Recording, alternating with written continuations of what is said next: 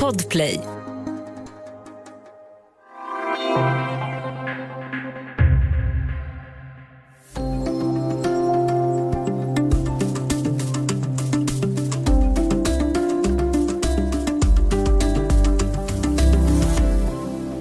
Barbara Bergström har tjänat närmare en miljard kronor på Internationella Engelska Skolan som hon grundat. I debatten är hon en symbol för friskolans expansion. Och den kritik som finns mot hennes verksamhet den kallar hon för bullshit. Välkommen till Studio DN. Idag om Internationella Engelska Skolan och ett kommande valår där flera partier, även från höger, vill reglera friskolan. Jag heter Ylke Holago.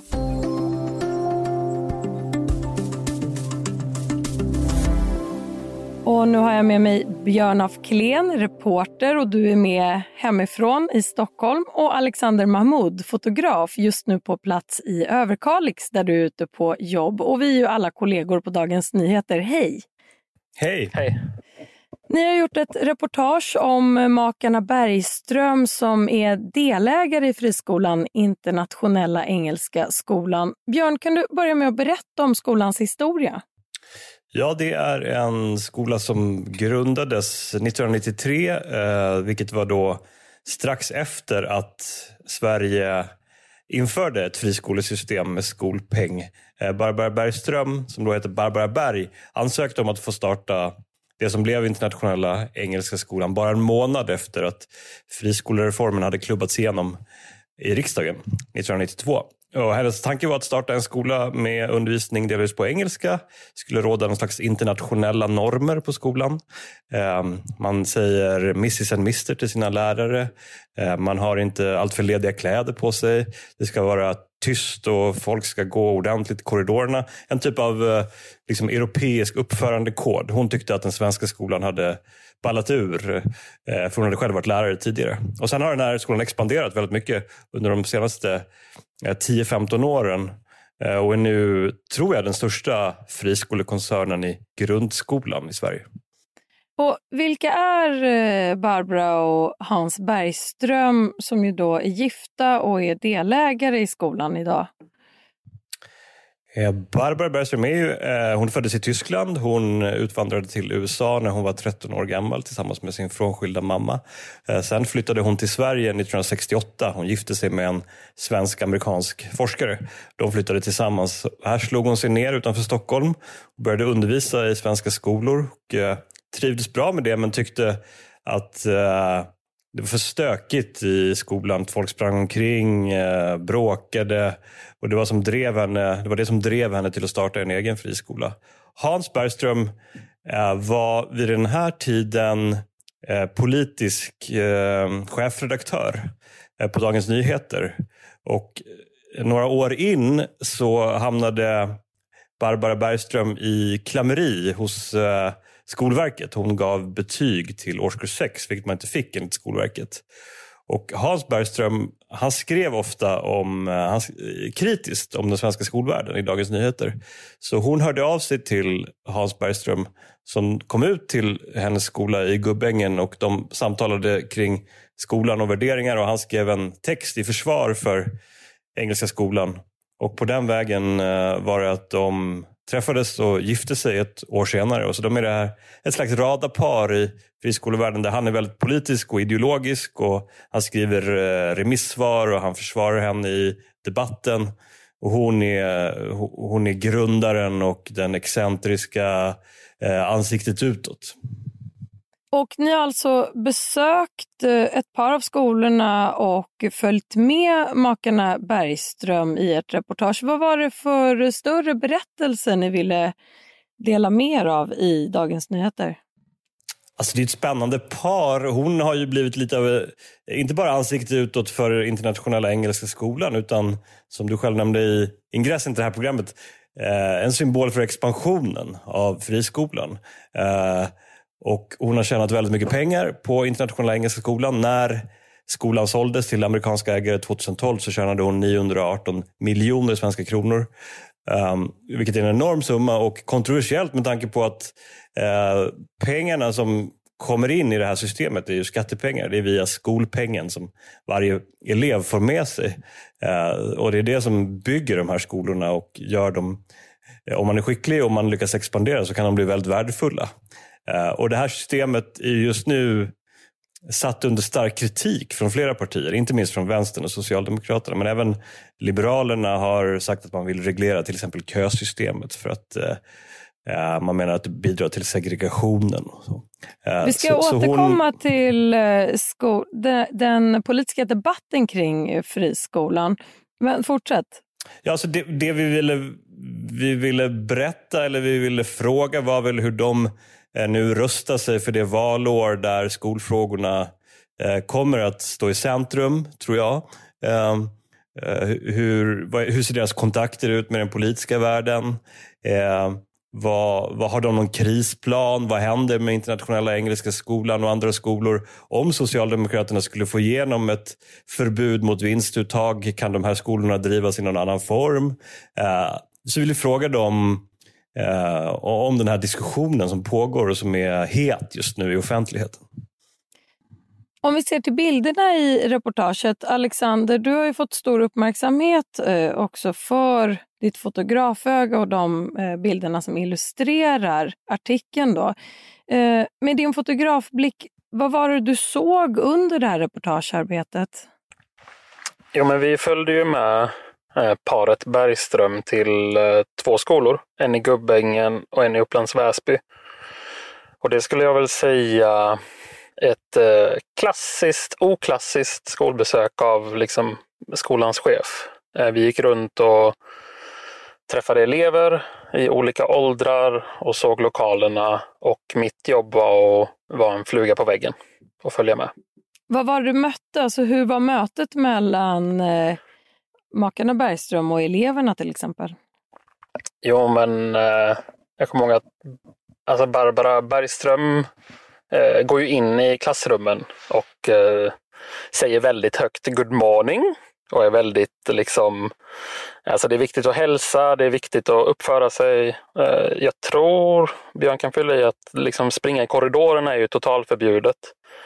Vilket som fotograf ibland behöver man springa. Men eh, jag följde reglerna. Ni var ju också med om en uppmärksammad incident som beskrivs i artikeln där Barbara Bergström efter att ha inspekterat en skoltoalett tvättar händerna och sen torkar av dem på din tröja, Alexander. Hur reagerade du på den händelsen? Jo, men jobbet den dagen var, hade en väldigt uppsluppen stämning och som fotograf så hängde jag med liksom överallt och fotade och sen eh, i Björns text så, så torkar ju Barbara Bergström av sina händer på min t-shirt, inte skjorta. Um, men just där och då var det inget som jag kände, oj, vad jobbigt eller vad kränkande, utan, utan stämningen var ju god. Sen så gick hon ut och sa det till Björn, att jag har torkat av mig på din fotograf. Och då reagerade jag och tänkte att det här kommer bli en grej. Alltså som fotograf så vill man ju verkligen vara typ anonym, smälta in helt eh, så att uppmärksamheten efteråt har ju varit enorm och eh, väldigt speciell. Eh, sen liksom hela den eh, handduks-t-shirt-grejen, eh, den var ju oväntad och många nu efteråt har ju undrat hur jag mår och så. Och jag känner Alltså när vi väl var där och, och det hände så upplevde jag det inte som så kränkande. Utan eh, det är ju i texten att jag skrattar. Och det finns liksom en väldigt neutral blick som jag tycker Björn fångar väldigt bra i sin text. Och jag mår bra. Och eh, Björn skriver det i sin text att i, med Barbara Bergström kan vad som helst inträffa. Björn, hur, hur var det för dig? För att i artikeln så beskriver du också hur hon torkar av händerna och sen vänder hon sig till dig och säger jag torkade av händerna på din fotografs tröja. Vad, vad gjorde du? Vad for genom ditt huvud i den stunden? Alltså vad man kan säga generellt är att Barbara Bergström är väldigt synlig när hon äntrar sina skolor. Hon vill vara synlig. Det är ganska ovanligt att aktieägare eller grundare kommer till företag och vill ta plats som grundare och ägare. Men hon har ju sitt porträtt hängande i varje skola och hon vill att hennes person och vad hon uppfattar som hennes, sitt etos eller sina värderingar ska prägla och fortsätta prägla verksamheten. Så det var spännande som journalist att hon, hon kommer in där och liksom marscherar mitt i korridorerna och eh, när, när hon ser saker som hon inte gillar, till exempel laptops som eleverna ska använda i undervisningen så rynkar hon på näsan eller när hon fick höra att eleverna under en vecka i skolan får välja maten i, i matsalen så var hon skeptisk till det.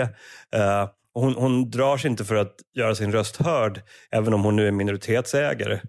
Um, så det var ju speciellt i sig och, och, och, och, en del av det här reportaget och som det jag försöker skildra och som gör henne en väldigt speciell person, inte bara inom skolvärlden utan i svenskt näringsliv överlag skulle jag säga.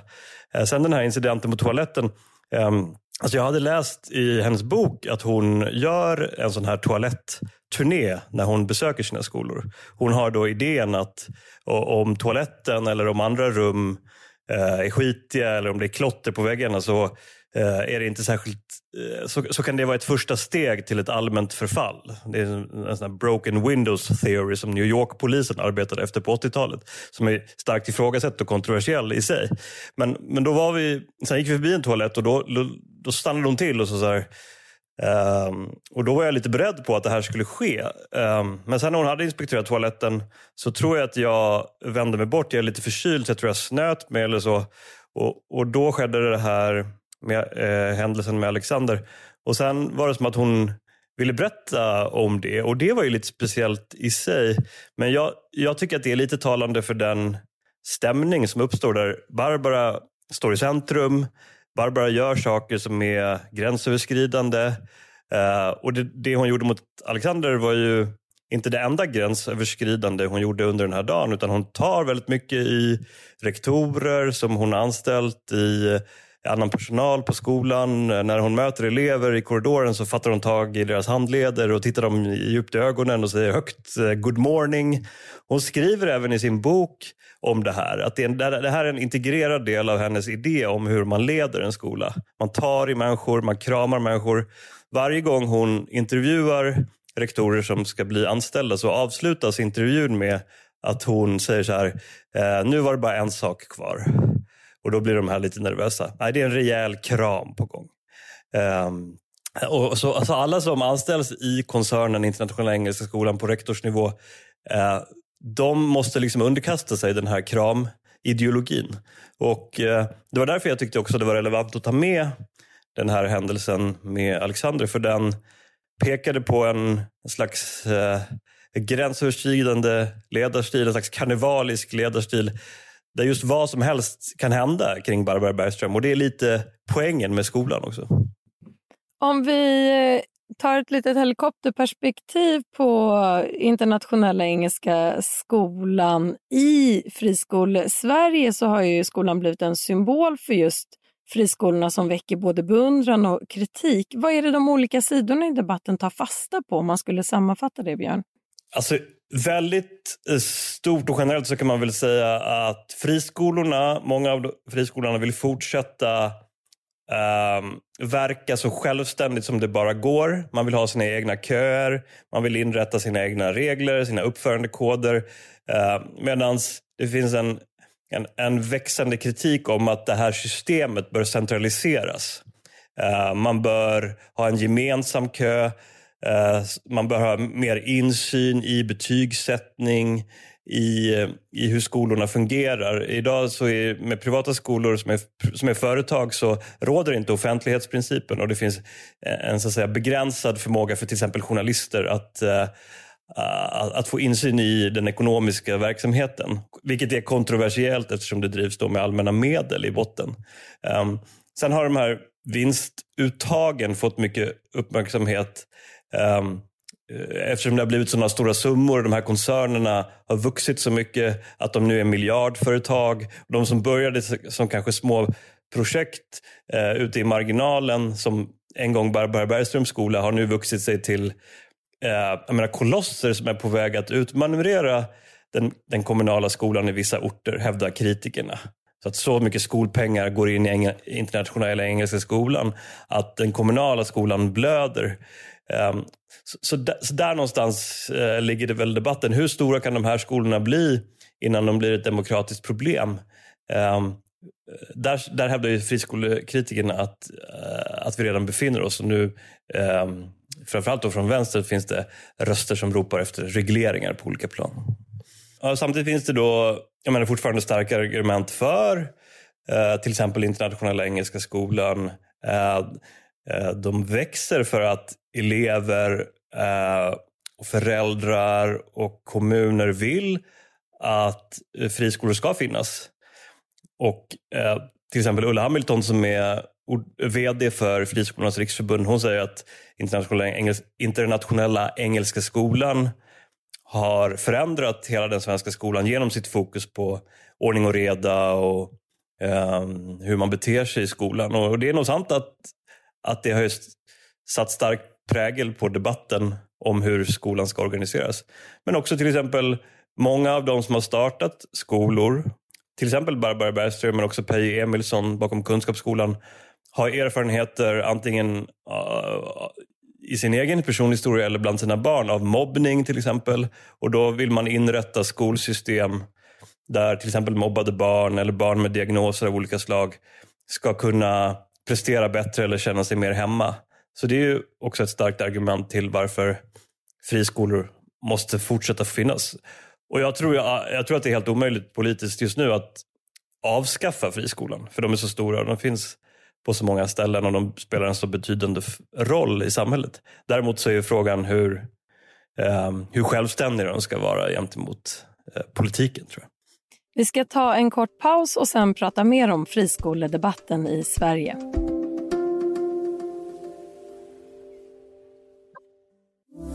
Du lyssnar på Studio DN om Internationella Engelska Skolan som har blivit en symbol för den svenska friskoledebatten. På vilket sätt kommer friskolefrågan att ta plats under valåret 2022, Björn?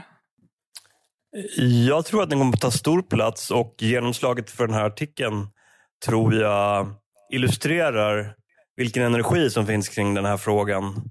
Uh, det finns en indi stark indignation, uh, inte minst från då de som vill reglera skolan, reglera vinstuttagen till exempel, eller reglera kösystemet för friskolorna. Men jag tror också att den andra sidan, de som vill försvara friskolorna, försvara friskoleföretagens självständighet och egenmakt, de kommer också mobilisera och det är också en stark grupp. Så jag tror att det, um, det kommer att eh, utspela sig många strider kring skolpolitiken under valåret. Och um, det har synts också under höstens partikongresser där skolfrågan har spelat stor roll. Eh, allra mest så kanske hos Socialdemokraterna som ju tog ett beslut om att försöka förbjuda vinstuttag ur skolföretagen, vilket är ett kontroversiellt beslut. Det är inte helt lätt att veta hur det ska genomföras i praktiken. Ehm, men, eh, men journalister kommer att fråga och de kommer att kräva svar på hur de ska göra om de vinner valet igen och hur de faktiskt ska reglera friskolan. Men även partier på högerkanten har ju svängt och vill se en förändring när det gäller friskolor. Hur då? Liberalerna, ehm, som ju är ett slags lärarparti, eller var det en gång i tiden, och där skolfrågorna har spelat stor roll de senaste decennierna. Eh, de vill inte eh, förbjuda vinstuttag, men de har sagt att de överväger att förbjuda vinstuttag ur skolor där kvaliteten inte är tillräcklig, kvaliteten på undervisningen inte är tillräcklig. Vad de fattade beslut om på, sina, på, sitt, eh, på sin kongress, sina landsdagar, var att det ska finnas en begränsning när det gäller köerna. Man ska inte kunna ställa ett barn i kö eh, från BB utan det kanske ska vara ett år innan skolstart så ska man kunna eh, ställa ett barn i kö. Och Det är just för att ehm, föräldrar som är väldigt drivna eller som har tydliga idéer om vad deras barn ska göra i livet, de är motiverade att ställa sina barn i kö från tidig ålder. Medan eh, familjer som kanske inte eh, har lika tydlig idé om vad deras barn ska gå i skola, de hamnar liksom utanför systemet och så slits samhället isär. Eh, det, det är då ett argument för att reglera köerna. Sverigedemokraterna har ju också bytt fot i den här frågan, troligen påverkad av makarna Bergström, i alla fall om man läser er artikel. Hur ser turerna ut där? Ja, Hans Bergström hävdar ju själv att han inte har påverkat Sverigedemokraterna att byta fot. Men eh, hela frågan om hur Sverigedemokraterna ställer sig till vinst i välfärdsfrågorna är ju laddad och viktig. För där är de ett slags, kan ju vara ett slags vågmästarparti när det gäller de frågorna. Ska de gå liksom högerut, försvara vinsterna eller ska de eh, liera sig med Socialdemokraterna? Just eh, tidigare så var Sverigedemokraterna emot vinstuttag. De skrev uttryckligen i sitt partiprogram att um, skattemedel ska inte kunna omstöpas till eh, vinster ur, ur privata företag. Uh, sen bytte de fot i hösten 2016 så kom ett nytt partiprogram där det står att man ska kunna ta ut vinst ur skolföretag så länge det finns en buffert så att företaget kan finansiera sin verksamhet terminen ut om det skulle bli ekonomiska problem. Ehm, så nu är de så att säga, höger i den frågan. Och Det är naturligtvis eh, viktigt för deras samarbete med Moderaterna och eh, Kristdemokraterna. Som, Moderaterna eh, är ju de som hårdast tror jag, försvarar vinst, eh, vinst i välfärden och de som en gång var drivande i att reformera det här systemet i Sverige. Som du nämnde så eh, ställer ju inte Hans Bergström upp på bilden att han har varit med och påverkat Sverigedemokraterna men de har ändå haft någon form av eh, dialog kring skolpolitik. Hur ser den ut? Eh, han säger att den dialogen framförallt har ägt rum eh, på det kommunala eller det regionala planet. Alltså överlag så har ju Internationella Engelska Skolan mycket kontakter med lokala politiker när det gäller ska vi slå, vilken stad ska vi slå oss ner i och hur ska det gå till? Eh, vilka byggnader ska vi komma över? Ska vi få hyreslättnader? Alltså det är en väldigt viktig del det här spelet med, det, med kommunalpolitiken. Och där säger Bergströms att de har haft fruktsamma kontakter med Sverigedemokraterna. De kallar eh, den tidigare skolpolitiska talespersonen Stefan Jakobsson för en eh, klok och kunnig person. Och, så. och de tog ju ganska tidigt beslutet som koncern att, att ha kontakt med Sverigedemokraterna. Eh, när, när, det, när det fortfarande var mer kontroversiellt än vad det kanske är idag.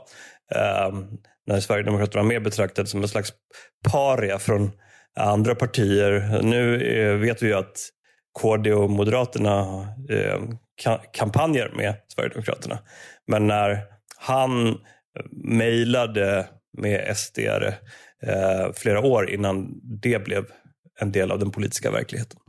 Så hur reagerar friskoleföreträdare som till exempel paret Bergström på den debatt som väntas ta fart här under valåret 2022? Ja, men de är ju rasande får man säga och känner sig svikna av det som tidigare var deras eh, parti, Liberalerna eller Folkpartiet. Hans Bergström då har en historia som talskrivare åt tre folkpartistiska partiledare. Um, han, han tycker att uh, Eh, det som han kallar för valfrihetsrevolutionärerna, de som en gång var med och driva igenom systemet med friskolor till exempel, ska tydligare gå ut och försvara ehm, föräldrars rätt att välja och enskilda entreprenörers eh, möjlighet att bygga företag likt Internationella Engelska Skolan. Han menar att Moderaterna är bara upptagna med att prata om invandring och brott och straff. Han tycker att de tydligare borde ta ställning också för eh, friskolornas rätt att existera, att fortsätta ta ut vinster, vilket han ser som själva grunden för att kunna expandera. Men också på att, få, att de ska fortsätta kunna reglera sina egna köer, vilket naturligtvis är viktigt. Internationella Engelska Skolan säger att de har 240 000 registreringar i sina köer. Och det är klart att när, när de här företagen värderas, när analytiker så, försöker förstå hur eh, långsiktigt ett företag som Internationella Engelska Skolan är, så är kösystemet väldigt viktigt. Då. Så avslutningsvis, eh, vad händer nu? Hur kommer ni gå vidare? Vad håller ni ögonen på i den här frågan framöver? Björn och Alexander? Jag tycker det är jättespännande eh, att fråga sig hur Socialdemokraterna kommer eh, rent konkret att gå vidare med partiets försök att begränsa möjligheten att ta ut vinst. Eh, Ska man förbjuda aktiebolagsformen helt och hållet i, inom friskolevärlden? Ska det bara vara stiftelser? Eller ska det finnas en gräns för hur mycket pengar man kan ta ut? Jag tycker också det är spännande, hela kvalitetsbedömningen. Om, om man som Folkpartiet eller Liberalerna vill förbjuda vinst för företag som inte är tillräckligt kvalitativa. Hur ska man be bedöma vad som är kvalitet? Och hur låg ska den gränsen vara för när man får inte ta ut vinster längre? Så hela den där byråkratiska um, spelet kring skolorna tycker jag är spännande. Alexander? Jo, men jag som fotograf inför valåret och valet i september nästa år eh, vill ju försöka bildsätta de viktigaste valfrågorna. Och om eh, i och med det här och skoldebatten som pågår och, och om skolan blir en allt viktigare valfråga så tänker jag att vi är ute på fält och försöker skildra det. Tack så mycket Björn af Klen, reporter och Alexander Mahmoud, fotograf. Och ni är ju båda kollegor här på Dagens Nyheter. Om du vill kontakta oss så går det bra att mejla till studiodn dn.se. Kom ihåg att prenumerera på Studio DN där du lyssnar på poddar så missar du inga avsnitt. Studio DN görs för Podplay av producent Palmira Kokare-Menga, ljudtekniker Patrik Miesenberger, teknik Jonas Lindskog på Bauer Media och jag heter Ylke Holago.